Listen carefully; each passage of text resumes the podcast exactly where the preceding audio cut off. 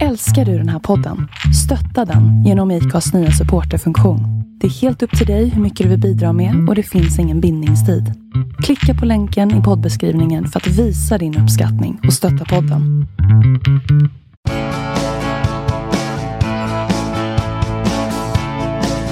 You lean forward to go. You pull back to go slow. These are the horse basics Solveig Sigridsdotter Törnblom är journalist och författare, men också hästtränare och ridinstruktör. Redan i förskoleåldern började hon rida och det var början på vad som skulle bli ett yrkesval och en livsstil. I nästan 15 år arbetade Solveig hos några av de största travtränarna i Sverige, ja, till och med i världen. Nu är det 50 år, ett halvt sekel, som Solveig har ägnat sig åt att arbeta tillsammans med, studera och läsa om det fantastiska djuret hästen. Hon är en stor hästälskare som tyvärr ser en oroväckande utveckling inom ridsporten. Samtidigt som att allt fler har egen häst idag har kunskapen om hantering och ridning blivit allt sämre. Hur blev det så här? I den här podden prövar och undersöker Solveig sin uppfattning om att hästhållningen har försämrats och vad det kan bero på. Jag åkte för att snacka lite med Sofia Oskarsson, eller Fia som hon kallas. Hon är stallchef på Nynäshamns ridklubb i Nynäshamns kommun. Och jag ville höra lite om hon håller med mig i iakttagelsen om att någonting har hänt vad det gäller hästhantering och ridning. Jag tror att det till viss del har skett en försämring på vissa plan eftersom många idag gärna bara vill rida. Att det blivit ridsport och inte en hästsport. Att man tar hand om hästen, gör hela markservicen och blir ett med sin häst så man blir ett team. Utan man istället vill bara rida. Vad tror du det kommer sig? För att jag tänker tillbaks, jag har ju älskat djur sedan jag var, ja sen innan jag minns. Och eh, sökte mig ju till stall och bondgårdar faktiskt.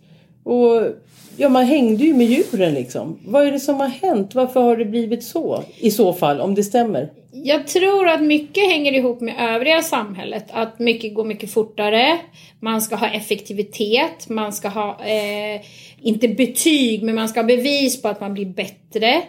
Sen tror jag också även det här med säkerhet. Vi har många mer regler.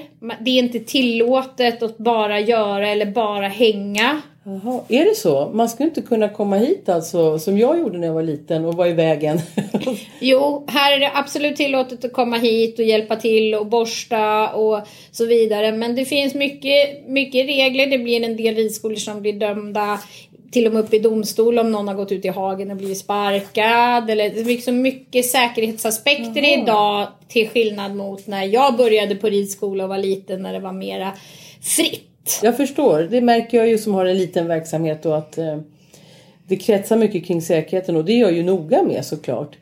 Men det jag undrar är, har det här liksom, man kanske inte ska prata om det som kall, men du förstår vad jag menar, den här dragningen till djuren som man har naturligt tycker jag då. Och jag antar att du också har känt den från barnsben. Har den försvunnit hos flickorna? För det är mest flickor, eller hur? Ja, vi har, vi har ju till 99 procent eh, tjejer. Vi har några killar. Men, men jag tycker att man... Vi har en del som har den här dragningskraften fortfarande. Men, men den har faktiskt kallnat, tycker jag. Vi ser inte alls lika mycket längre.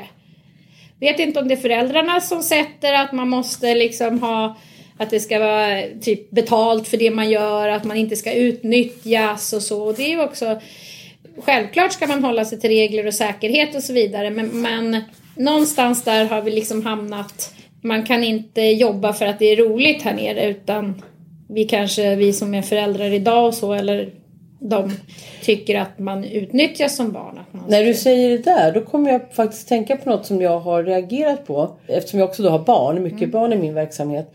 Morsan var väl glad att man försvann fem på morgonen med ett packe knäckebröd skivor i väskan och sen kom man hem, till middagen då. Det fanns ju inga mobiltelefoner såklart så man kom ju hem till fem. Men Idag så står ju föräldrarna och hänger medan ungarna rider och då är väl de lite otåliga och vill åka iväg. De lämnar ju inte sina barn i stallet. Kan det bidra också? Att de får inte liksom vara själva utan mamma eller pappa? Jag tror att det är en stor, alltså mycket är det här att de kan inte gå själva hit, man är rädd för att släppa sina barn och gå eller cykla till stallet eller till skolan själv kan ju jag se att det är många barn som blir skjutsade inte får gå själva och så vidare. De är mera kontrollerade av föräldrar idag. Som väntar eller hämtar direkt och har då föräldrarna idag är ju ett samhällstempot sjukt högt. Och då gäller det att man är klar efter sin ridning så mamma och pappa kan det. hämta så att man kan ta sig hem så man kan göra eller jobba eller vad det nu än är. Har du några som liksom törs släppa sina barn här? För jag har ju ett par stycken faktiskt som får vara själva. Ja, vi har en del som är här. Det Ja. har vi. Nu har vi ju sista året eh, med pågående pandemi och så varit tvungna att stänga för att få hålla den övriga verksamheten Just det, öppen. för ni har som en slags verksamhet. Vi har haft både genom kommunen förut som fritids, det har vi inte längre. Men eh, vi är ju öppna och försöker bedriva liksom att vi finns på eftermiddagarna för tjejer eller killar Ja. som vill vara här. Det är jättebra. Men då kan vi ju liksom halka tillbaks till frågeställningen. När de då väl är här, får de ta del av liksom gammal god hästkunskap? Eller är de här och hänger i kafeterian mest med sina telefoner? Vad är det som händer? Många är ju här och hänger som en fritidsgård, det Ja, måste vi säga. Ja. Sen försöker vi involvera. Vi har ju eh, krav på teori två gånger per termin på alla elever. Försöker göra lite hästkunskapskurser eh, och så vidare. Men, men intresset är inte riktigt lika högt nu som det har varit förut, tycker inte jag. Nej. Det- som jag är bekymrad över. Dels tycker jag det är sorgligt att gamla fina traditioner försvinner. Som det har gjort med hantverksyrken också. Men sen tycker jag ju lite synd om hästarna. De blir ju faktiskt inte alltid så bra hanterade. Även om folk vill väl. Så gör de ju fel. Ja, men det blir ju okunskap i det här och så där tror jag också att våran ekonomi har spelat in att många köper häst tidigare och flyttar ut Absolut. på landet eller till något privatstall och har kanske inte okunniga men även okunniga föräldrar som vill väl. Och där tror jag att vi tappar mycket, att man flyttar från ridskolan tidigare och tidigare än vad man gjorde förr. Vi är ju rörande överens om saker och ting. Det låter nästan som vi har snackat ihop oss. Men det kanske beror på att vi inte är purunga. För precis det där du sa. Har jag också tänkt på och säger till mina eh, barns föräldrar då. Mina ridelevers föräldrar. När de säger att de ska köpa ponny. Ja visst gör det om ni kan. Men då kommer kunskapen att upphöra att strömma in. Därför att då kommer de stå i ett stall med likasinnade. För då är de ju bara med sin häst. Där har ju vi gjort så, eller jag gjorde så för många år sedan när vi öppnade vårt privatstall här. Vi hade ju inte det från början och det har vi ju byggt för att våra elever som köper häst ska kunna få stå kvar här. Tills de känner sig mogna. Vi har ju inte vårt privatstall öppna för elever eller privatisar utifrån utan det är bara gamla elever som står Aha, men det är ju jättesmart. Plus att ni känner varandra lite Ja. grann. Och eh, då är de med på lektioner kanske. De rider på lektioner, vi finns som hjälp för då hur man hanterar om det blir något problem med hästen. Påminner om vaccinationer, veterinär, hovslagare, avmaskning, träckprov. Just det. Hur man hanterar om man får ett problem, eh, skador, mycket sånt här. Det är ju jättesmart för att det är ju just de här sakerna, bortsett från allt annat Mm. förstås. Men de här, en del har ju inte ens koll på hur ofta ska man avmaska, ska man avmaska och så vidare. Mm. Eh, då flyter ju de med automatiskt. Då, lä- det är ju så det ska gå Ja. till tänker jag. Och då får de ju en mall att gå efter och när de då är mogna så märker jag då måste man flytta hemifrån som vi brukar Ja, säga ja. när man ser så här, ja men det, är väl, det spelar ingen Vi vill ju bara, eller jag och hela ridskolan, att de ska få en så bra grund som möjligt att stå på. För att så småningom kunna klara sig själva. Ja, men det, det är ju precis det som vi har haft tur. Du ska få berätta lite vad du har gjort innan. För att jag har ju min bakgrund då dels med gamla bönder i Gottröra och sen med travtränare och inte några dåliga heller för den delen. Så man har ju skolats in ganska bryskt i en sport och en hästvärld. Men eh, hur såg det ut för dig? Hur började det? Ja, jag är ju en ridskoleelev från början. Har inga föräldrar egentligen som har haft hästintresse. Var en ganska rädd ridskolebarn när jag var liten. En Var, var bodde du då? Då bodde jag här i Nynäshamn, Okej. så jag är faktiskt uppväxt från början på Nynäshamns ridklubb. Men vart skrämd och flyttade till Ösmo. Jaha. För jag tyckte att hästarna här nere var läskiga. eh, och red där. Jag som är Sorundabo kan hålla med. De är snällare i Sorunda. en gång i veckan. Eh, och hittade väl mitt kall här. Och har aldrig egentligen från att jag var 10-11 år funderat på vad jag ville göra. Åh tusan. Utan jag ville jobba med hästar. Men vem, vilka var dina läromästare då? Alltså jag började ju här och sen så eh, hade vi en ridskolechef som hette Cecilia Kempe. Som eh, ge- vart en förebild och startade upp något som hette lärlingsverksamhet som jag fortfarande driver. Där hon plockade in oss och gjorde oss till lä- ridlärare-lärlingar. Där vi hade teori en gång i veckan och red en gång i veckan och sen hjälpte till med lördagslektionerna. Alltså en kvinna av gamla sorten som tänker Mm. på tillväxten. Och den eh, finns ju fortfarande kvar. Vad den kul. lärlingsverksamheten driver vi fortfarande vidare med våra tonåringar idag. Så man får med i sitt CV. Och har då, vi bedriver liksom en dag i veckan har vi teori och en dag i veckan rider de. Ja. Och sen jobbar de på våra lördagar och, Och då tänker till. man ju att det är de som är mest skickade kanske. Som söker sig till det. Ja, vi plockar ut och frågar om de vill och ibland Ja. är det inte alltid de som kanske vill tävla utan de som har en fallenhet för att lära ut. Det kan vara två helt olika saker. Mm. Absolut. För det tycker jag är roligt i ridsporten också, att det finns en plats för alla. Man behöver inte vara proffsryttare eller så, utan alla har sin plats. Oavsett. Och, och sina talanger Ja. kanske. Så det, hon var väl en av de första liksom som drev mig. Sen Mm. så bestämde jag mig för att plugga vidare, så jag pluggade på Strömsholm i två år. Tre år. Hästskötare och instruktör. Och då bodde du där. Ja, då Då bodde- träffade du en del gamla gubbar. Ja, jag har ju ridit tiden. Solange Bilock och de här som talade om för en att man faktiskt skulle rida hästen med på tygen. Så man inte trillade av. Men vad säger du om de här fasonerna som jag vill kalla det och det är mina ord. Vad säger du om det här med liksom modern hästträning som de tror att vi andra som är lite gammeldags är jätteelaka vilket inte stämmer utan vi använder ju jättemycket belöning på vårt sätt även om inte det är snask. Vad tycker du om det här sättet nu när en del talar om att hästen ska få välja? Jag tror nog kanske inte riktigt, jag ska inte sticka ut näsan så jag blir, blir lynchad här men, men man, hästar är ju flockdjur och de lever med en ledare. Och om inte vi som människor är ledare och har tydliga regler då kommer hästen känna sig otrygg och då blir den, den kan inte välja själv för deras ledare låter aldrig den välja. Utan de har ett system. Jag bestämmer, du väntar på att få dricka vatten. Jag bestämmer, du väntar på att få äta. Så är det. Och så går det i Men, tur. men alla får. Det Men alla får alltid Exakt. äta, alla får alltid dricka. Och där tror jag att vi måste hålla oss. De behöver ha en ram, hästarna. Det är därför det är viktigt med rutiner. Hur funkar det? Hur gör vi? Det är därför tror jag att vi ska behålla lite av det här militära. Även om vi inte behöver låta så. Och vi kanske inte behöver vara riktigt så hårda. Men, men jag tror inte på att låta hästen välja. För då tror jag att vi blir översprungna. För det är ändå Ja. 600 kilo. De är ju lite större. Jag kan inte ens uppskatta hur många hästar jag har tränat. Jag har, jag har ingen chans att, att göra det. För jag kommer hela tiden på nya hästar när jag går och pratar med folk. Ja just det, den. Vi pratar ju om ett helt liv med hästar. Men vilka jag har tränat professionellt. Men jag tror att det rör sig om ett, ett antal hundra. Eh, Så att de kommer oftast ihåg mig och inte jag dem. Du måste ju också ha sett ganska många hästar och tränat ganska många hästar. Ja, alltså det har ju kommit oerhört mycket. Både privata, eh, ridskolehästar framförallt, några som vi har haft här, både när jag var yngre och äldre.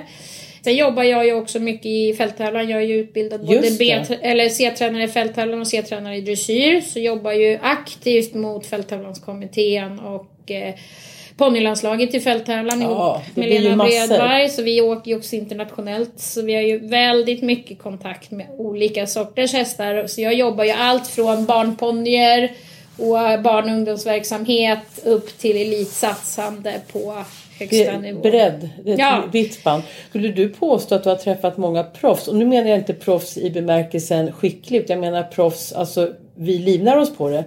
Har du träffat många sådana som kör med snaskmetoden och eh, hästen får välja själv-metoden och sen har det som yrke. Och då menar jag inte att man har som yrke att lära ut den metoden utan gör något med hästen i sitt Nej. jobb. Det har jag inte. Jag har heller aldrig träffat det. Och det får mig att tro att om det fungerade så himla bra så skulle väl fler göra det. Det är min slutsats. För att alla proffs jag har frågat säger precis som du Fia. Att det fungerar inte att ha en flock hästar som man ska stå och fundera på. Har den lust att komma in eller ut? Eller hit eller dit? För vi har en tid att passa. Nämligen. Ja. Nej, men jag tror inte det. Sen självklart belöningssystem. Det hjälper inte att tvinga en häst. Du kan aldrig tvinga en häst att dricka. Du kan bara erbjuda den. Ja. Eh, så är det och det ser jag ju. Vi jobbar ju framförallt med fälttävlande och så behöver vi vara ett team. För du kan aldrig tvinga en häst att hoppa över de hindren i terrängen. Det Nej. finns inte en möjlighet. Nej. Du måste få den att vilja hoppa tillsammans med dig för då kan den göra bra mycket mer resultat. Det, jag tror på det.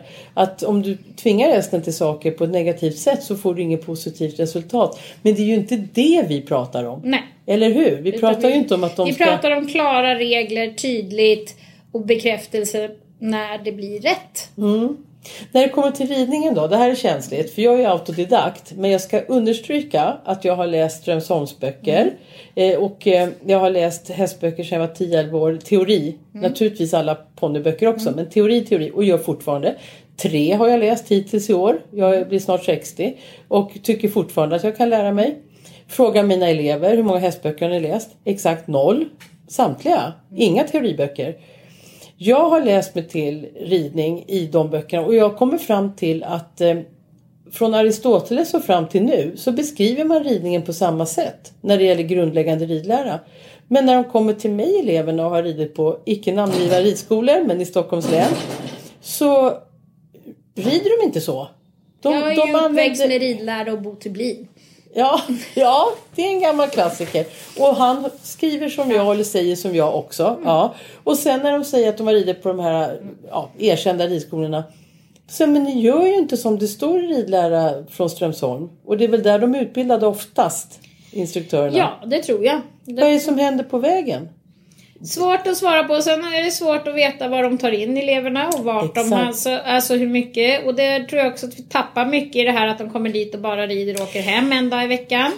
Kan det vara det? För jag har också funderat på det att det har blivit en, liksom, lite av en in- industri. Det blir en industri. Ja, de ska rida. Ja, det ridas och det ska hända saker och vi har ju haft mycket, vi har ju, jag har ju till och med fått påringning av eh, föräldrar till barn som är under sex som vill ha, eh, frågar hur de utvecklas i sin ridkunskap och så vidare. Vilket jag kan känna att eh, där känns det som att de ska klappa på hästen och ha roligt. Ja, där kan man kanske få ge en morot. Nej men absolut och liksom eh, kramas och så. Så det, det, jag tror att just det här vi pratade om från början. Att Prestigen. det blir väldigt, det blir väldigt, det är lite det här, det ska vara inte betyg men som i skolan, det ska utbi, alltså, följer vi utbildningsskalan, följer de det här, alltså istället för att, att hitta teamet med hästen och känslan, för det är ju också en ryttarkänsla och en ridkänsla med för att man ska kunna förstå ridhandboken. Och, och just där någonstans så känner jag att de här föräldrarna utgår ifrån har ju inte särskilt mycket djurkunskap själva. Och då, då är vi tillbaka till det här ursprunget att de vet ju egentligen inte vad det är de efterfrågar. Utan barnen ska rida men de vet ju inte vad det är de frågar efter riktigt. Nej. Och jag kan tänka mig då stressade ridlärare eller stallchefer och det är lektion på lektion. Då blir det väl lite av att upp och av hästen liksom och, och barnen är nöjda för att åka runt där några varv. Ja. Och sen beror det naturligtvis på hur stor ambitionen är hos respektive elev när de kommer upp i åldern. För man ser att vissa vill ju lära och lyssna sig och andra åker med. Men du ska se deras nuner när jag liksom talar om för dem att du, tyvärr, gå och be om pengarna tillbaks för du gör fel. Hur skulle man kunna säga till föräldrar och elever då, ridelever på ett sätt att hur ska man få dem att förstå att det inte är så enkelt att man åker dit och åker runt i 45 minuter? Hur ska man få dem att förstå att det krävs hästkunskap och kanske lite teoretiska studier? Tycker jag att man behöver. Mycket teoretiska. Alltså jag har ju varit inne på att vi ska ha teori varje vecka med alla elever. Halvtimme teori och 45 minuter ridning. Men det är svårt att få folk, alltså det kostar också.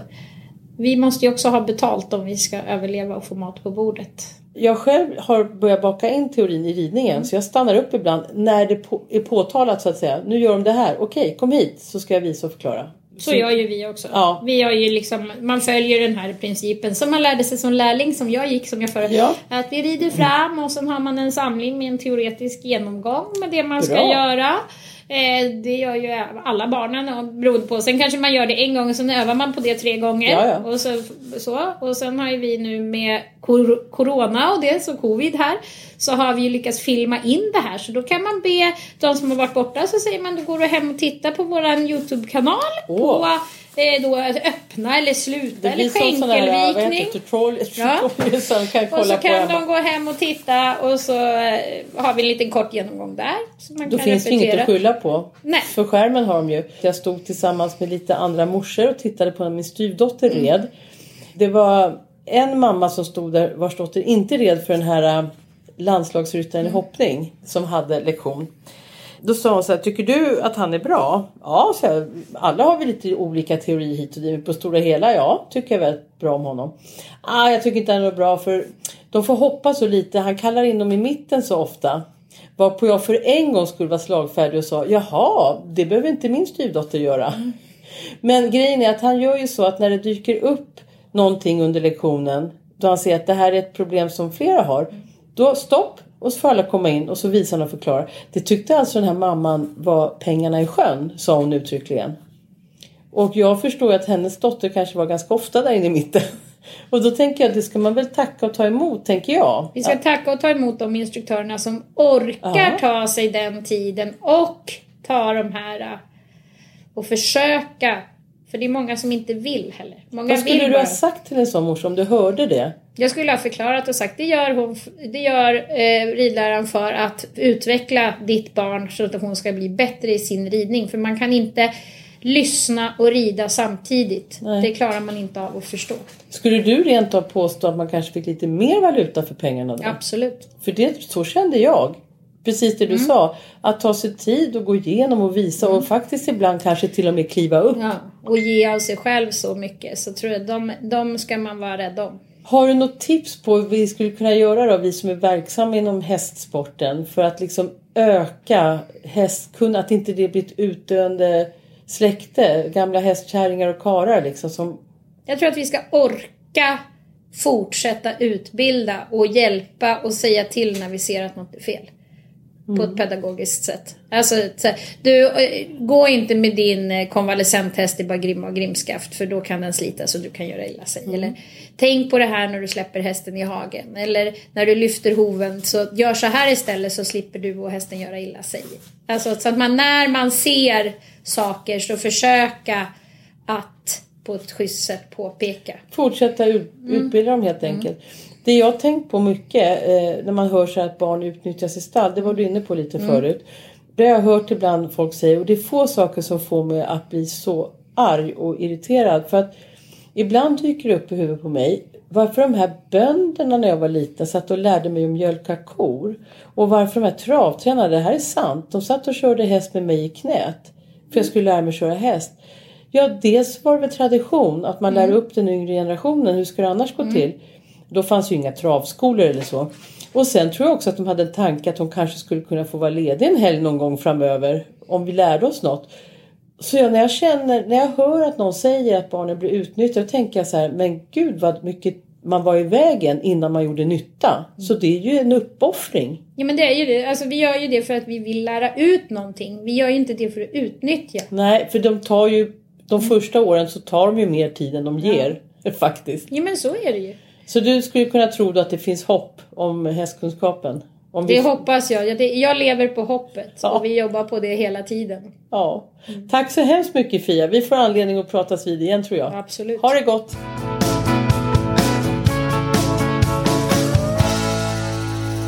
Julie och Ninni är elever hos mig på Rummeltorp. Jag bjöd in tjejerna för att eh, samtala kring eh, hästkunskap och eh, hur det går till idag på ridskolor när man ska lära sig att hantera hästar och att rida. Vad säger ni tjejer när ni lyssnade på det här inslaget med Fia? Var det något särskilt som ni reagerade på eller som ni kände igen er i? Vi kan börja med dig Julie.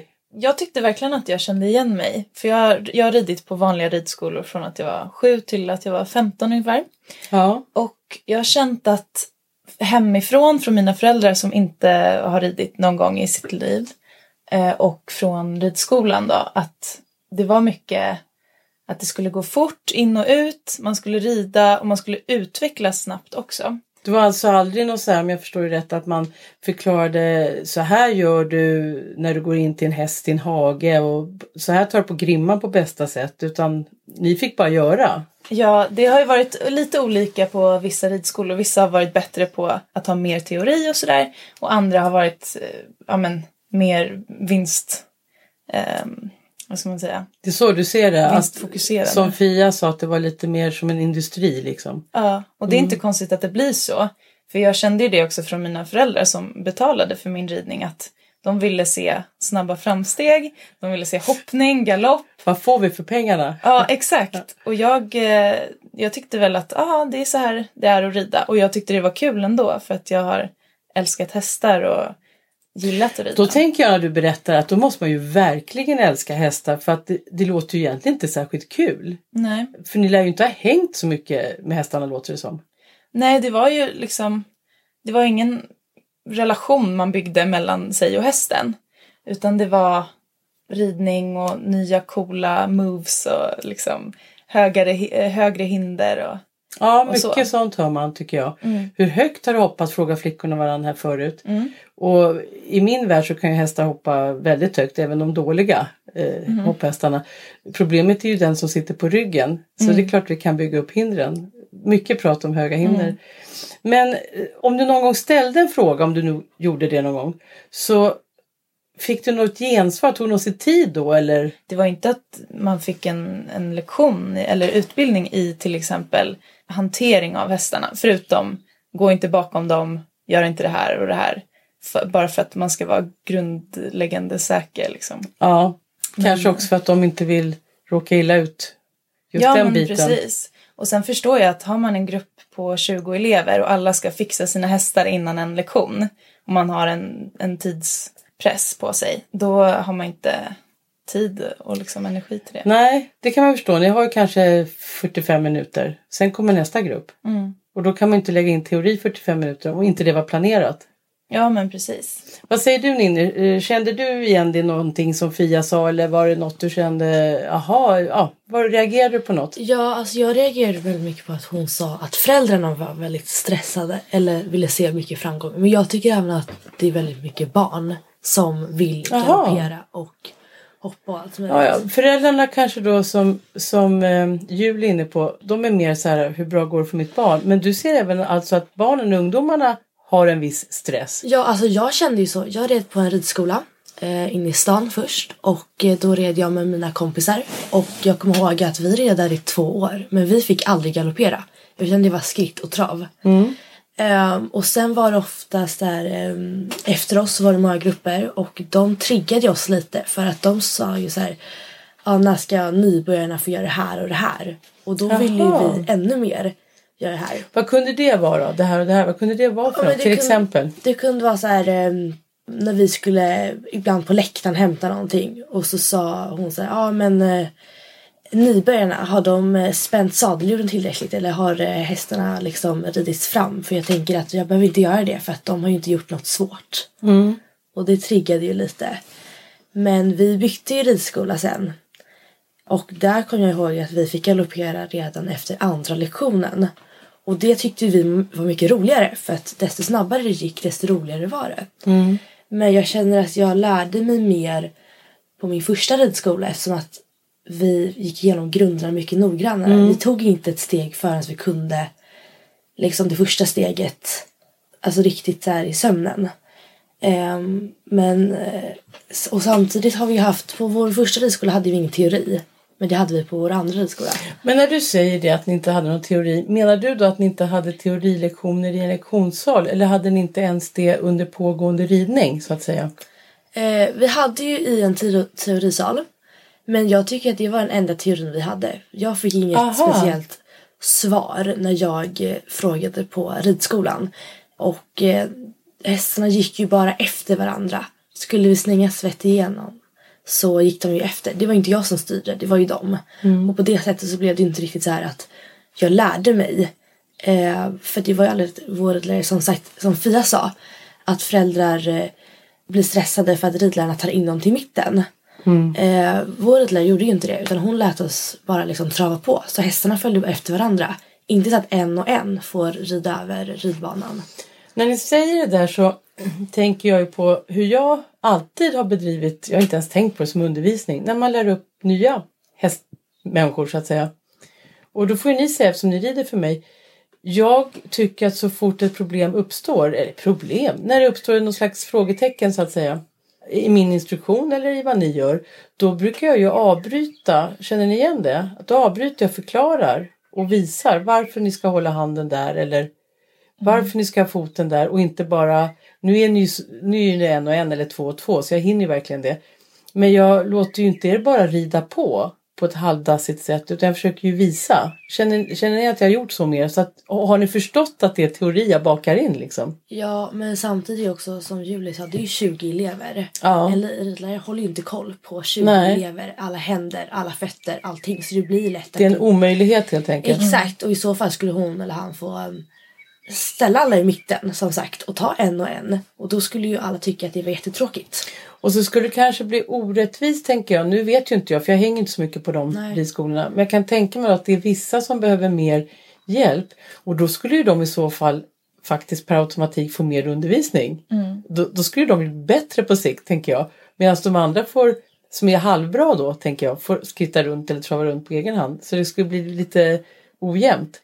Så mängden elever kan man säga då, då eh, om jag förstår er rätt, gör ju också att det är svårt att, även om de skulle vilja då, baka in teorin i ridpasset. Vad säger Ja. du Julie? Det tror jag verkligen. Eh, Jag red på en ridskola som var ganska bra på det här. Vi hade teori efter varje ridlektion. Efter? Ja, efter. Alltså ni, på hästarna eller hade ni gått av? Nej, alltså det var eh, efter ridlektionen och efter man hade ställt in hästarna mm. och så. Alltså ren teori då kan man Ja, säga. men Mm. exakt. Men också i slutet av ridlektionerna så gjorde ridläraren som rutin att hon gick och pratade med varje elev i, i några minuter. Så. Och det kände jag var ganska utvecklande. Men eh, man undrar också hur mycket hon hade sett en på de 45 minuterna Okej, red. så att då vart det separerat så att ni var en grupp som fick en allmän undervisning kan man säga. Mm. Och då kanske du inte hade sett just vad dina bekymmer eller svårigheter var. Men sen hade du också en allmän teori. Så det vart inte så riktat då till varje elev. Nej, och det, alltså, det kan det ju inte vara. Jag tror blandningen är det bästa. Mm. Att man det, tänker jag, att man dels har allmänt så här ligger det till. Mm. Och sen att man måste då gå in på individnivå. Men är vi tillbaks där då kanske med antal, att det handlar om tid och antal elever? Ja, det tror jag. Men det, också, det finns ju också fördelar med det. Att man till exempel får en genomgång och sen så övar man på det själv. Mm. Men eh, problemet är ju att om man inte helt hundra procent har förstått den här genomgången så utvecklas man inte mer än, än så. Eh, så att det blir svårare att, att förstå vad, man, vad det är man gör rätt och vad det är man gör fel. Jag har ju man- nästan helt skippat teori runt bordet. Jag har det ibland. Om det är ruskigt dåligt väder då kan jag hitta ett skäl till att ha det. Om vi inte tittar på en hästfilm istället. Men jag kommit på genom åren mer och mer att det är bättre. Nu är vi ju vi bara. Jag, som mest brukar jag ha fem. Absolut mest och det är sällan. Men då tycker jag det är bättre att avbryta när det uppstår och då får alla ta del i det. För oftast så är det ju ingen som kan förklara om man frågar. Så att då blir det så kopplat till nu hände det. Och då kan man få prova direkt efter om det blir bättre när jag har hört det här. Så då blir det en sån här snabb koppling mellan information och faktiskt göra. Och jag tycker mig upplevt att det funkar bättre, alltså snabbare. Det faller snabbare på plats. Vilket inte gör att jag tycker att man inte ska läsa. Jag tycker man ska läsa mycket teoriböcker. För då kan man praktisera det och, och så förstå om, aha, mm, ja ja. Eller fråga mig då, eller vad man frilare. Jag läste det här, jag fattade inte riktigt. Då kan man ju få det visat Mm. på nästa lektion då. Om man tar med sig det. Det stod så här, man kanske inte ens förstår språket ibland. Eh, Hästfackspråk är inte världens lättaste. Man behöver inte alls skämmas tycker jag, det är bara att fråga. Nu hade vi ett speciellt när vi träffades du och jag Ninni för att du hade ju liksom en problemhäst. Din mamma ringde upp mig och frågade om hjälp. Eh, jag tror hon nämnde ordet horsemanship som jag försöker avhålla mig från därför att folk tror att det är en egen sport. Men det är alltså hästhantering. hästmannaskap helt enkelt. Så när hon beskrev problemet då, din mamma i telefon, så kände jag spontant utan att ha träffat någon av er att det här är inte ett hästproblem. Det kan jag ju inte veta hundra, men jag tyckte att jag kände igen det på beskrivningen. Så jag insåg att visst kan jag åka till er ridskola en till två gånger i veckan. Det kommer sluta med att hästen står i givakt när jag kommer. Och i värsta fall öka problemen för er. För då blir det så stor skillnad för hästen i hanteringen. Så då föreslog jag att ni skulle komma hit med hästen och det gjorde ni. Och ganska snabbt, alltså redan inom några dagar, så såg vi en förändring. Och i min värld så visst, vi har ju naturligtvis tillrättavisat hästen att så där gör man inte.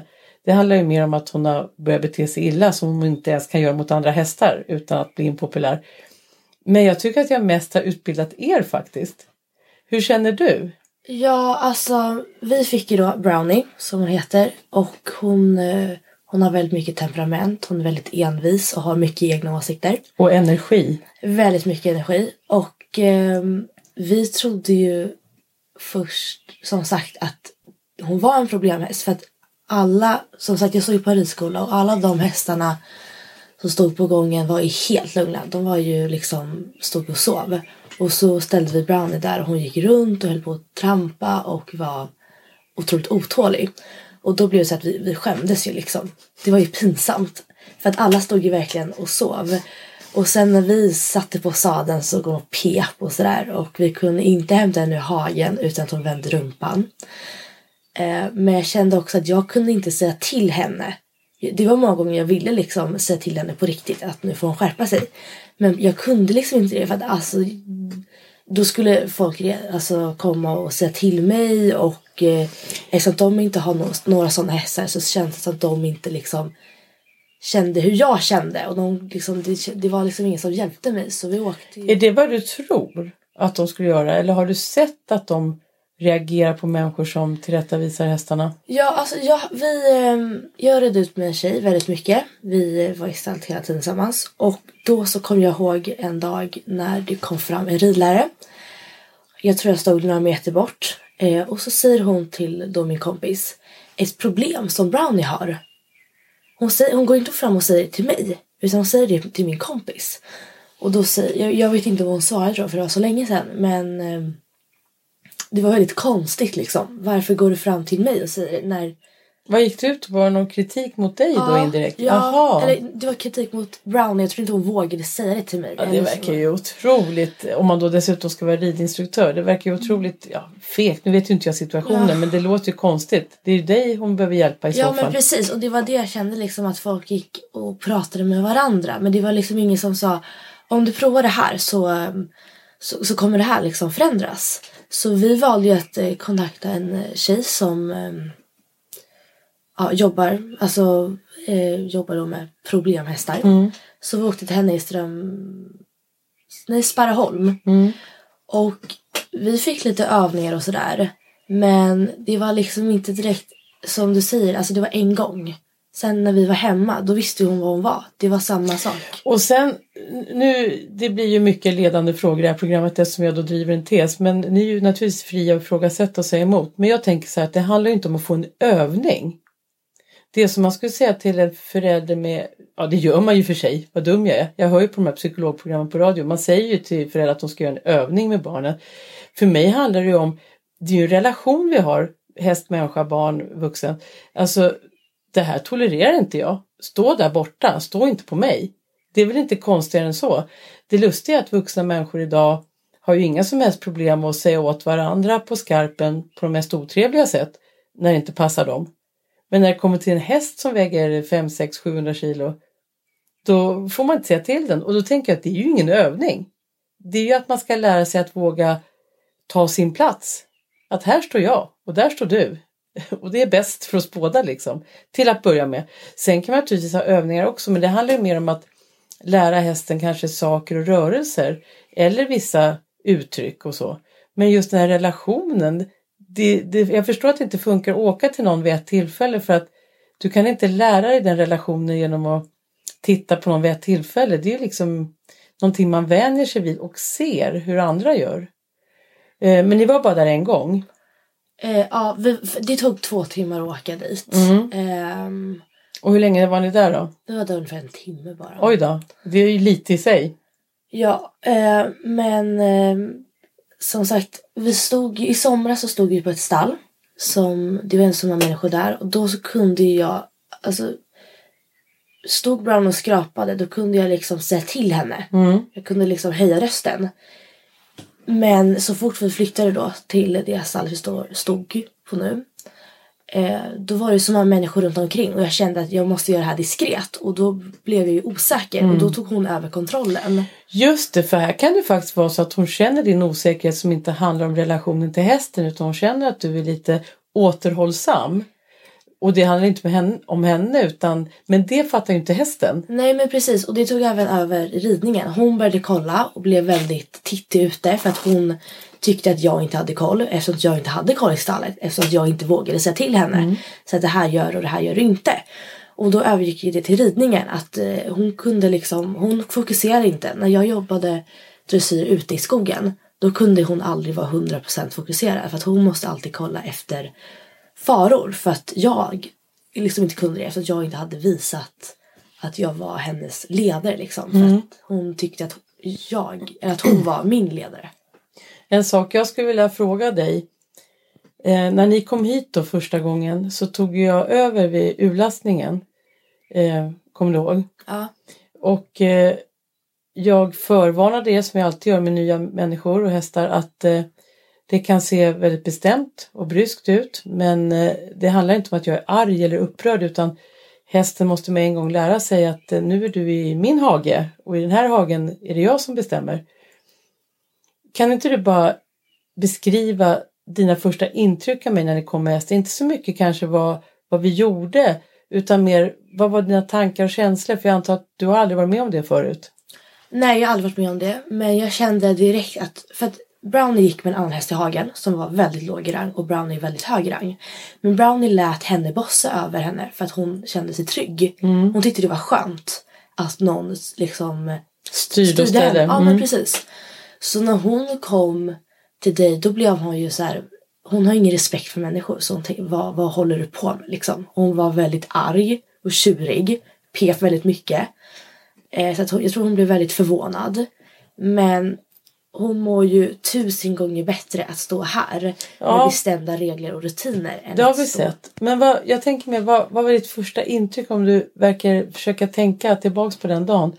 Vad, vad tänkte du när du åkte härifrån och hade lämnat Brownie här? Och, tänkte du, herregud vad ska hända med min häst? Eller oj, så där kan man också göra. Vad vad var din reaktion liksom? Nej, jag tyckte att det, det kändes bra för att jag var så pass arg på, på Brownie att jag ville bara att någon riktigt skulle säga till henne eftersom jag inte kunde göra det.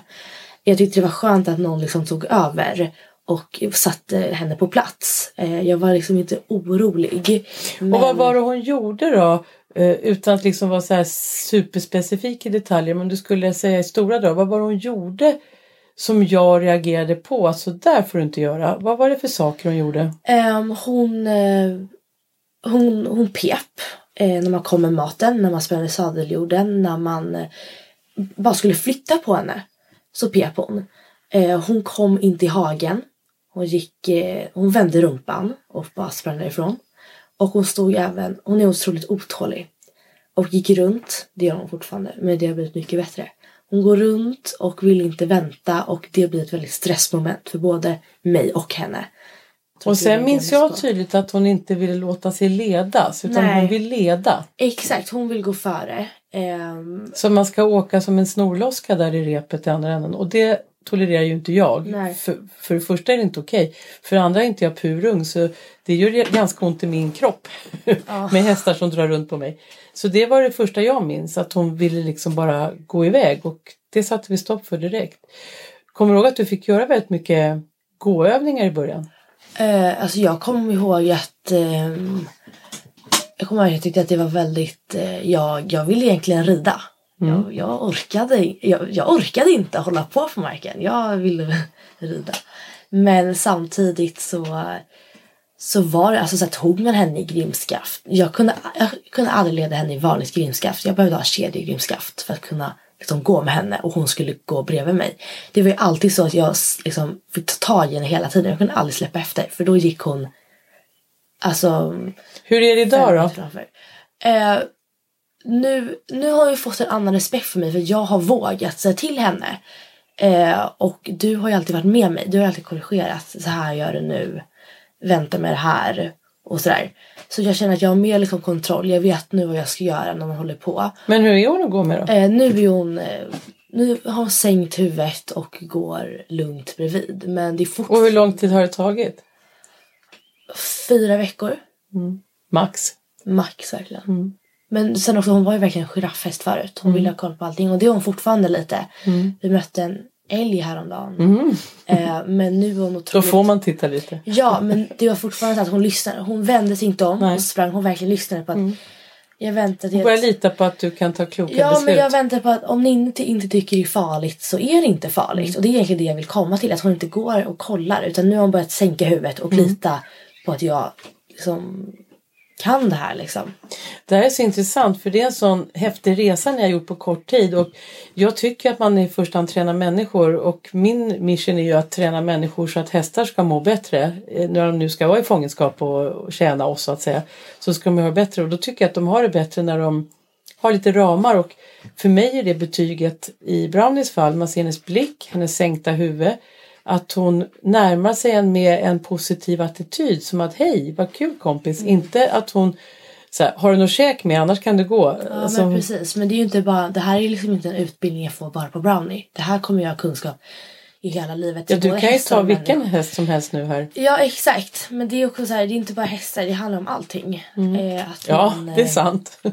Men kommer det nu en häst som, som är lite som Brownie då, då vet jag ju vad jag ska göra. Mm. Jag har, det är ju inte bara det så här, ah, på Brownie funkar det här men på ingen annan häst. Det där är så intressant för människor idag som har häst eller rider på någons häst och det är något trubbel. Då säger de alltid att den här hästen är så här. Så då tror de att alla andra hästar som kan uppföra sig och gå in i en transport eller låta sig spolas eller vad det nu är. Att de är födda sådana och riktigt så är det ju inte utan de har ju lärt sig det. Och då har ju du märkt att det här är ju hästspråk tänker jag. Så att, och sen kan de ju vara olika hetsiga och olika lugna och lata och pigga och så vidare men det är ju som med människor. Men de har ju ändå ett slags urspråk som de förstår. Ja, men jag tror att hästarna utnyttjar ju vilken människa de är med. Brownie skulle ju Absolut. aldrig ehm, hålla på och göra någonting när du har henne. Men skulle jag komma för några veckor sedan så skulle hon Ja. vägra att gå in eh, Alltså överallt. Så jag tror att det är liksom så här när folk säger att ah, den här hästen kan inte göra det. Det är för att de det är bortförklaring. Det är alltså att de inte om. Finns det en tendens också, kvinnor är lite tråkiga på det sättet. Så fort det är en man som är hästkarl då är det så här, åh, då är det mannen som talar med hästar ungefär. Eh, nej, han kan hästspråk och det är väldigt många kvinnor som kan också. Men då kan de betala tusentals kronor för att den ska lära dem någonting med hästen. Problemet är bara att det blir ingen förbättring när han åker tillbaks till USA. Utan det, det är ju människorna som måste lära sig. Och alla kan inte vara så här av naturen. Man får helt enkelt lära sig. Jag har ju ganska ja, offensiv attityd av mig själv. Men en del människor måste ju lära sig det för att eh, det går att fejka liksom. För att man kan inte prata vett med en häst. Utan det här kroppsspråket måste man lära sig och det är inte alla som har det naturligt. De tycker det är pinsamt att vara lite så. Men Julie, hur var din första reaktion och dina första tankar och känslor när du hade varit här, ja, åtminstone några gånger kanske, men Ja, för det skiljer sig ju helt jag förstått mot vad du är ja, men van jag, jag har väl egentligen känt en saknad på att lära mig hur man utvecklar en häst och faktiskt lär en häst någonting och jobbar med en häst istället för att bara nu rider jag och sen så lämnar jag den i boxen och åker hem så. Första gången jag kom till dig då så frågade ju du om vi bara skulle köra markarbete. Och för mig var det så här, wow, vad härligt, jag har aldrig gjort det förut. Jaha, det var ju kul. Alltså, du tänkte inte så här, "Nej, här betalar jag för att rida. Nej, för att för mig var det verkligen så här, äntligen får jag göra någonting mer eh, alltså, utvecklande för mig själv och, och som... Eh, Jag måste bara säga en sak här nu. För våra hoppvänner så ska jag tro att markarbete för oss andra det är när vi gör någonting från marken. Eh, hoppmänniskor säger markarbete, då gör man hoppövningar fast typ inga hinder utan bommar och kavalett sådär. jaha, Så vi mm, pratar om arbete från marken. ja, men, Mm, det kan vara bra att tala om för det är, det är olika falanger här. Mm, ja. ja, men, men alltså longering och lite övningar och sådär. För att det har jag aldrig gjort innan och jag har ridit i sju, åtta år liksom. så det för mig var jättehärligt. Men samtidigt så kände jag lite så här, ha, nu ska jag åka hem till min mamma och så kommer hon fråga vad vi gjorde och sådär. Och så säger jag, nej jag red inte. Jag jobbade med hästen från marken. Vad sa hon då? Nej men hon, jag, jag fick, fick ju förklara för henne att jag tyckte det var roligt och sådär. Men hon var kanske lite bitter och sådär, jaha, ska, ska min dotter betala pengar för att liksom inte rida utan bara typ jobba? Aha, Mm. och det här är så intressant för att jag menar ju på att i samma sekund jag kan se och höra hästarna så har träningen börjat. Och det är jättejobbigt för jag ser hästarna från köksfönstret. så att då pågår träningen. Så om jag ser att någon dummar sig upp i stallen måste jag slänga upp fönstret och tala om för att den ska inte göra det. Och därför är det bra om de kan sina namn för de vet mycket väl vad de gör. Så det är bara att ropa namnet och säga lägg av med det där så gör de det. Eh, Så träningen pågår ju så länge du har hästen inom hör och synhåll. Ja. Och det är inte att sitta på ryggen. Utan det är allt så länge du ser och hör hästen. Om du inte är blind och döv. Men i övrigt så är det. För att om inte, om man gör så här att man tänker att jag hämtar grimman, jag öppnar boxdörren, jag går in, jag sätter på hästen grimman, jag tar ut den, jag borstar den och sen börjar jag så och sen när jag kliver upp, då börjar träningen. Då har ni alltså haft alla chanser i världen att bli påsprungna, få arslet vänt mot er. Hästen står inte still när ni borstar. Den vill inte lyfta sina hovar. Så ni har under en halv till en timmes tid talat om för hästen på alla sätt och vis att eh, du gör som du vill och jag hänger med så gott jag kan. Och sen kommer du upp i sadeln och så tror ni att om ska vara omvända. Eh, nej, det händer inte. Den stunden ni lämnar marken med foten, det, hästen förvandlas inte där.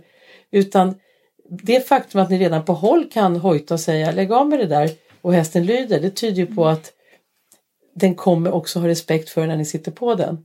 Och det här är ju nästan inga som fattar, inte ens människor som har ridit jätte, jättelänge. De Nej, tror och- att ridningen är träningen. Ja, och jag känner verkligen att det är så jag tänkte innan jag kom hit och började liksom eh, forska själv och liksom försöka söka upp information om hästhantering och så. Så har jag inte förstått att det krävs att det ser lite mm, hårt ut och bestämt och alltså kanske läskigt för vissa eh, när man tränar en häst för att man ska komma till det här harmoniska, lugna relationen. För att för mig har det ju bara sett ut så att ja, men hästarna står där de står och jag har dem en timme i veckan. En annan häst varje vecka då. Och jag rider på den och sen är det klart. Eh, så att jag förstod inte vad som krävdes för att kunna träna en häst eller liksom Du sa någonting Julie alldeles nyss som gör mig jätte, jätteglad. För ni har ju kommit hit, ni, du kom naturligtvis eh, Ninni för att du hade ett bekymmer i din relation med hästen. Men båda har ju kommit hit för att ni vill rida era hästar. Eller du vill rida mina, men att ni vill rida på hästarna.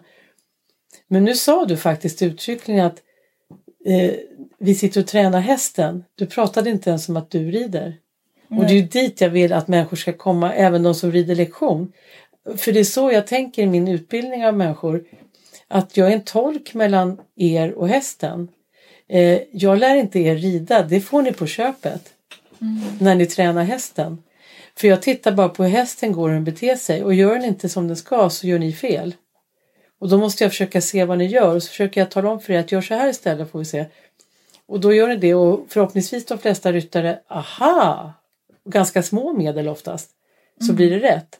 Och då är det inte så att jag står liksom och utbildar er egentligen. Utan vi har ju ett mål att hästen ska bete sig på ett visst sätt. I rörelsen eller när man går med den och så vidare. Och då blir ni ju bra på det på köpet. Så det är egentligen inte det en bakvänd väg. Men jag tror att många som har ridit på traditionell ridskola tycker att det är en baklängesväg att lära sig rida. Men den går ju mycket fortare. För du lär ju hästens språk. Annars kan ni sitta och lära er att göra vissa eh, saker med händer och fötter och, och då ska det hända si och så. Men om ni aldrig har förstått vad det är den här signalen ska göra med hästen, för det är ju inte något kodspråk de har lärt sig när de föddes, eller fick något kopplingsschema sådär. När man förklarar då att när du trycker här så flyttar du undan bakdelen och då händer det här. Då blir det ju så mer uppenbart vad det är man håller på med. Det är liksom ingen eh, programmeringsprocess ni håller på med när ni rider utan ni bara pratar med hästen. Ja, och genom att få den kunskapen så förstår man ju hur man ska göra andra saker, hur man ska komma fram. Istället för att det är så här, så här gör man en skänkelvikning.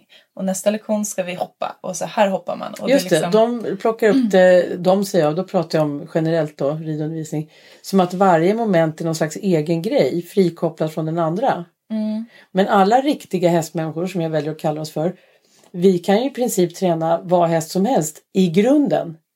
Vi har haft ganska stora framgångar i hoppning med ponnyer då, jag och Simone och några flickor till.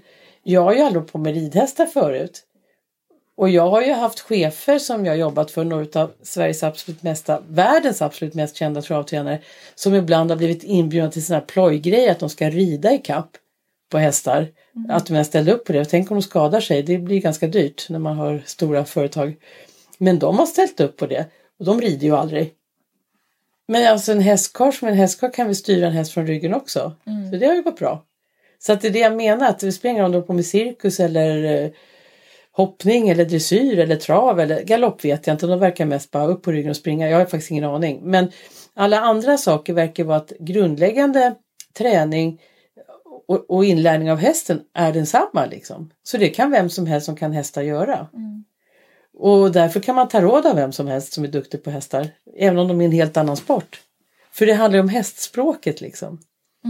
Och det Och- där känner jag att det, det saknas lite. Man missar att eh, typ förstå hur hästarna har blivit inridna och vad som har hänt innan man kommit dit för Just att det, sätta sig hela på den här äh, vägen dit liksom. Mm. Ni kommer till en färdig produkt i bästa fall. Jo. En del skrattar mig, jag pratar engelska med hästarna när jag blir lite irriterad och det är för att jag har haft ganska många hästar från engelskspråkiga länder. Och då tänker jag att de är ju inridna eller inkörda på engelska. Det vill säga de har pratat engelska med när de lä- lärde dem saker. Så då använder jag de orden för att stå still och flytta på det och så vidare på deras originalspråk. Och det funkar. För även om inte de kan språket så känner de ju igen ordet. På skoj så sa jag en gång till en häst som har stått i södra USA. Vamos! sa jag till honom. Och då gick han framåt och jag började tokskratta. Det är nämligen så att de flesta hästskötare inom eh, stora västernstall i södra USA, de är mexikaner. Så jag tänkte han har säkert blivit pratat spanska med och mm. jo då, han gick framåt. Sen kan det ha varit mitt kroppsspråk också. Vi ska inte tillskriva hästen allt för stora språkkunskaper men det funkade i alla fall. Så jag tänker man kan lite grann tänka utifrån boxen när man tränar hästar att eh, sådana enkla saker som att stå still och så, om de nu kommer från ett annat land och de är olydiga, prova med det. Vad skulle ni säga i jämförelse då med ridundervisning på traditionell ridskola och här. Vad skulle ni säga, hur, hur känner ni efter ett ridpass här och när ni kliver av på era vanliga ridskolor där ni har varit förut? För det är inte så jättelänge sedan ni red där. Hur, hur skulle du jämföra känslan av ett ridpass, som jag kallar det för, eller en lektion då? då? Ja, jag fick tid. Liksom. Du, var inte, du hade ingen le- lektion direkt efter mig. Och hästen skulle inte in och byta ryttar ryttare och sånt där. Utan det, det kändes som att vi tog det i lugn takt. Och att du ville att jag skulle förstå innan du bytte ämne och, och liksom det vi fokuserade på. Eh, inte att du hade en lista med saker vi skulle göra den här lektionen och vi skulle hinna med. Det var skönt liksom. Och eh, att jag, jag, jag uppfylldes av lektionen. Eh, istället för att jag bara undrade om jag hade lärt mig något så. Och vad härligt att höra, det är ju ett jättefint betyg. Jag har tänkt på en sak som jag sagt många gånger till dig Ninni, för du är ju en ganska energisk och otålig person själv. Ja. Så du och Brown är ju en toppkombo, not, men det kan bli. Det kan bli, därför att eh, när ni lär känna varandra och lyssnar på varandra så kommer ni, ni kan bli oslagbara. För Simone då som är min gamla tävlingsryttare som inte är så gammal, snart 15, eh, hon har ju en enorm energi och på vissa hästar får jag liksom tygla Simone. Inte hästen. För hon har sån enorm energi. Och du har lite grann ditåt, inte riktigt så mycket men eh, det kan bli jättebra. Men då måste ju du lära dig att eh, det är du som ger hästen den energi den sänder ut. Mina hästar taktar alltid runt också, jag blir galen. Och då är de ändå lugnare nu än vad de var när jag var 20. För att jag har så mycket energi. Men jag sa väldigt ofta till dig i början för att jag ville att du skulle förstå och inte bli helt galen av otålighet att ja, ibland kan hela passet handla om att stå still. Hur kändes det när jag sa så? När, när vi inte ens kom iväg från stallbacken. Ja, alltså hade ju Brownie bara stått still så hade det ju varit ganska så här, då hade jag ju bara kunnat stå där. Men när hon höll på hela tiden, backade, gick fram, skrapade, höll på med huvudet. Då blev jag ju bara frustrerad. Då, var, då ville jag lika gärna sitta av och bara... Och vad händer tror du med hästen när du blir frustrerad? Då blir hon än otåligare och, en, och hon är ju verkligen en sån här häst som verkligen speglar av sig på ryttaren. För när jag blir otålig då blir hon då blir hon jätteotålig och då blir jag ännu mer otålig och då blir det bara en ond cirkel. Så egentligen så är vi ju inte riktigt bra för varandra. Man inte Jo kan- då, det tror jag. Jo, men- när, när du har liksom lärt dig att tygla dig. Ja men precis, för jag, jag, jag kan ju fortfarande inte det riktigt. Ehm, Men det är stor skillnad, känner du inte det? För det där beskrev ju du nu fint första gångerna och jag hade stenfokus på dig hela tiden. Men idag tycker jag faktiskt att de kan det bättre med dig. ja, men Så vad är det som har hänt, skulle du säga? jag känner att Brownie har hon har ju utvecklats men jag känner inte att vi kom hit och utvecklade Brownie. Jag känner att vi kom hit och utvecklade mig. Nu tänker jag inte på vad Brownie gjorde för fel. Nu tänker jag vad jag gjorde för fel. Vad härligt! Eh, och vad jag kan göra bättre. Att man inte lägger skulden på hästen. Exakt, för jag gjorde ju det förut. Så här, nu kan hon, det är hennes fel att hon inte kan stå still. Eh, men samtidigt orkade jag inte öva på det. Så jag känner att jag har fått mycket mer tålamod eh, och eh, börjat lyssna på hästens signaler. Liksom, vad, vad säger hon egentligen? Vad vill hon ska förändras? Till exempel bara med borsta har jag liksom behövt förändra liksom, för att hon inte varit nöjd med det. Så jag inte har sett innan några signaler. Och nu? Nu ser jag ju massa liksom, bara man, man stannar upp. Liksom. Tycker hon om att bli borstad nu? Eh, ja, om man borstar hårt. Alltså så här att man inte håller på liksom. De är som vi. Alla människor är olika. En del vill bli killade och en del vill bli skrubbade. Och hon vill bli någonting mittemellan. Ja, för att annars tycker hon det är obehagligt. Mm. Och det är ju inte att hon egentligen behöver liksom visa det i så stora drag. Men det gäller att hon bara liksom inte blinkar. Står där med öronen liksom lite halvt bakåt och inte tuggar och inte slappnar av. Och ögonen ha- halvslutna kan hon ha sen. Ja, du menar när hon inte är? Ja, exakt. Och det har jag inte märkt. För att det är inga stora signaler Nej. om man inte kollar. Nej, om man inte, inte vill För nu på förändras. senare tid har jag sett att hon kan falla in i det här som, ja, som våra andra hästar gör. Att de går in i någon slags dvala och bara njuter. Och det har Ja. hänt några gånger nu faktiskt. Ja, och det är ju inte för att hon har förändrats. Det är för Nej. att jag har förändrats hur Exakt. jag gör. Eller hur jag hanterar henne. Ja. Egentligen är hon en väldigt bra häst Ninni för dig att lära dig på eftersom du har det temperament du har. Ja. Så att du även kan läsa, eh, för med väldigt coola hästar tror inte jag du ska ha något större problem. Men när du har en sån här liten rastlös energisk häst då måste ju du jobba med din personlighet liksom. Ja. Det är lättare än att göra om hästen. Ja, ja, gud ja. Men sen också att hon... När hon, alltså hon har ju så stor personlighet så när man gör rätt så blir hon... ehm, hon ska alltid kramas innan man ska tränas och sådär. Så att hon är väldigt kärleksfull. Hon gillar att bli kliad och gillar att mysa liksom. Och då när man kommer överens med henne då blir hon ju... Då, då gör ju allt det här jobbiga värt det. Kom du ihåg i början att du och, och din medryttare ni tog väldigt mycket i Brownie hela tiden och det gillar inte hon. Nej, och det är jobbigt för mig Och det också. fattade inte ni utan ni tog i henne ännu mer ju mer hon jassade runt. Ja. Så att det vart ju verkligen cirkus. Och så är ju en del människor också, de vill inte ha den typen av kontakt. Så bara att ni slutade med det skapade ju halva lugnet. Ja men det var också det jag tänkte på mig själv. Hade jag velat, jag hatar ju när folk, om jag är ledsen, att folk tar på Ja. mig. Då blir jag ju arg istället. Så att när hon gick runt sådär då gick jag då gick jag bara iväg och så, så kunde hon stå och skrapa där och så gjorde jag liksom, hon bara fick lära sig att det blir inte bättre. Och det är också att man tänker på vad hade jag själv velat? Hade jag själv velat så fort jag blir rastlös att någon står och tar på mig? Nej. Då blir det bara ännu jobbigare. Julie, du började ju rida på Dusty då som är väldigt lugn och kan vara pigg också. Hon har en väldigt speciell personlighet skulle jag säga. Man vet aldrig riktigt vad det är för humör.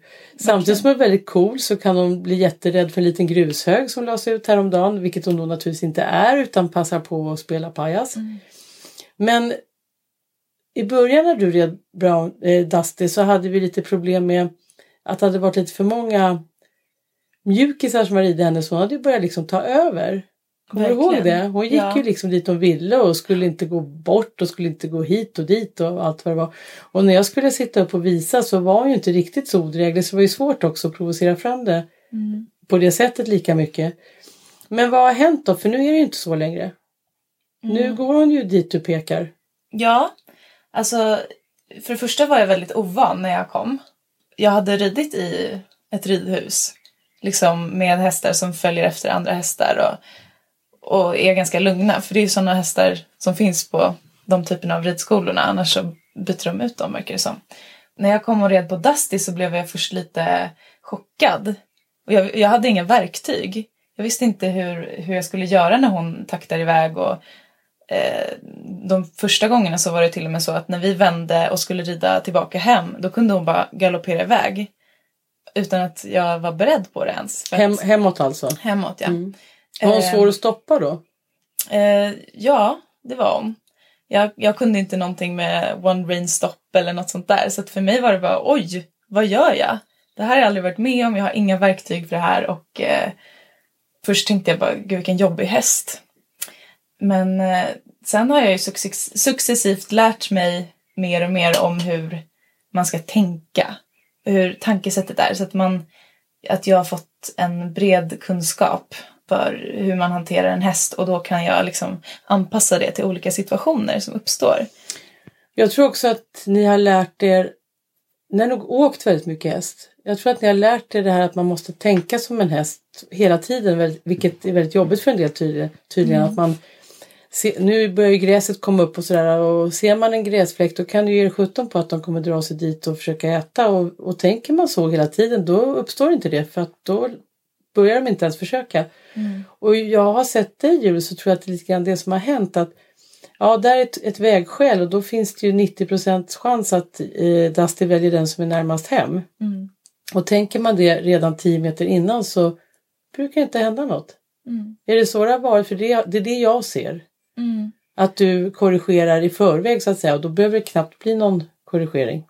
Ja, precis. Och eh, jag tror nästan det var hjälpsamt för mig att komma till Dusty som var, hade lite problem just när jag började rida henne. För att då fick jag liksom se i stora drag vad som faktiskt händer i en häst och hur eh, Dusty försökte liksom, ja men, ja men hon försökte och luras och springa tillbaka. Och på Hon är alla, rätt fiffig. Ja, alla möjliga sätt.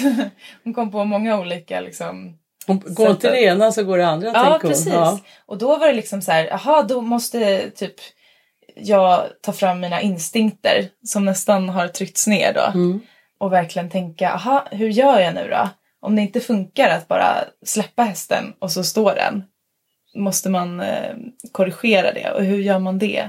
Och det var liksom tillsammans med din vägledning och bara att Dusty var som hon var så har jag verkligen utvecklats. Men är det inte det, när jag lyssnar på dig nu, att du faktiskt lärde dig hästspråk liksom, Mm. under resans gång? Där du säger att du fick stanna upp och fundera.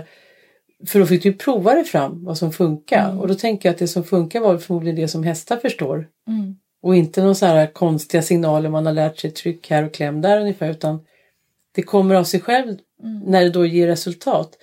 Ja men min tes då om vi ska runda av. För min tes är ju då att hästhantering och ridning har blivit bedrövlig därför att Ja det är det jag håller på och forskar efter nu. Vad beror det på? Och min tes och hypotes är ju att eh, man får för dålig utbildning på ridskolorna helt enkelt. Det är min korta sammanfattning. Eh, och idag så söker sig allt färre flickor till till stall ute i spenaten där de kan få hjälpa till att lära sig utan man åker till sin ridskola. Eh, Delar ni den eller nu är ni två personer av alla dessa hundratusentals ryttare men eh, av det ni har hunnit se i era unga liv och med att ha varit här då som var det första hästhanteringsställe ni har kommit till.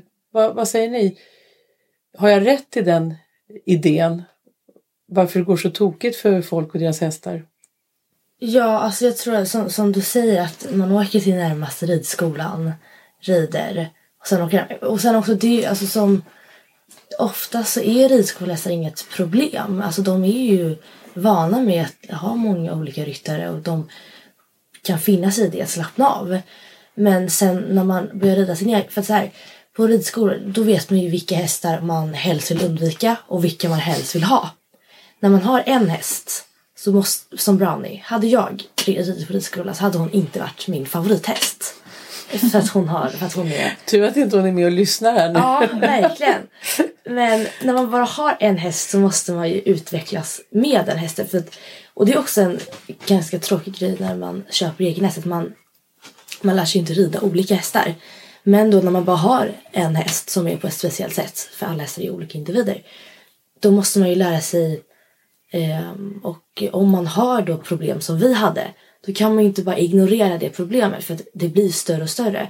Och jag tror att folk antingen säljer sina hästar för att de inte orkar.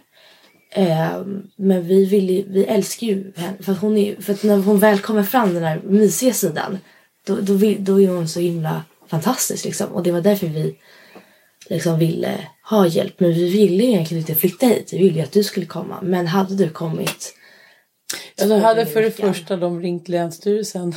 Och sen Ja, hade, men och sen, sen också, hade, det hade varit som du säger. Folk tror ju nämligen att man inte får säga till en häst och det får man. Eh, men de fattar ju inte det. Ja, nej men Brownie, eh, jag, jag har tänkt på det efterhand. Hon mådde inte bra. Hon, eh, Det är rätt uppenbart. här mår hon, hon, eh, hon mår så mycket bättre här nu för att hon har tydliga regler. Hon visar det otroligt mycket. Hon, och det är liksom, Och du, Julie ska få avrunda sen men eh, jag vill att du berättar någonting som har gjort mig nästan rörd till tårar faktiskt på riktigt. Eh, hur kändes det förra veckan Ninni när eh, din häst kom fram till dig första gången och själv stoppade ner nosen i grimman? eh, det kändes väldigt bra för att förut har hon bara vänt rumpan. Hon har, hon har ju tyckt att jag är ointressant. Att det är tråkigt. Men nu när jag, eh, nu, ja den här senaste veckan så har hon ju velat visa intresse. Hon, hon, ja där kommer hon. Det är kul när det händer någonting. När, eh, Och till och med fast hon hade mat i hagen. Ja, idag hade hon ju mat i hagen. Precis hade fått. Hönätet var helt fullt. Och hon ändå stoppade ner. Hon, alltså ingen sur blick alls. Och då känns det som att vi har fått en otroligt mycket bättre kommunikation. Att jag lyssnar på henne och att hon lyssnar på mig. Om man är populärare än mat hos hästen då ligger man bra till kan jag säga.